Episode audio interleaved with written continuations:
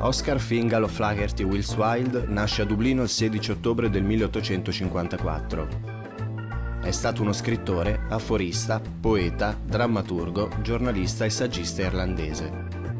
Autore dalla scrittura apparentemente semplice e spontanea, ma sostanzialmente molto raffinata ed inclina alla ricerca del bon mot, con uno stile talora sferzante e impertinente, egli voleva risvegliare l'attenzione dei suoi lettori e invitarli alla riflessione. È noto soprattutto per l'uso frequente di aforismi e paradossi per i quali è tuttora spesso citato. L'episodio più notevole della sua vita fu il processo e la condanna a due anni di prigione per avere violato la legge penale che codificava le regole morali in materia sessuale della sua stessa classe sociale.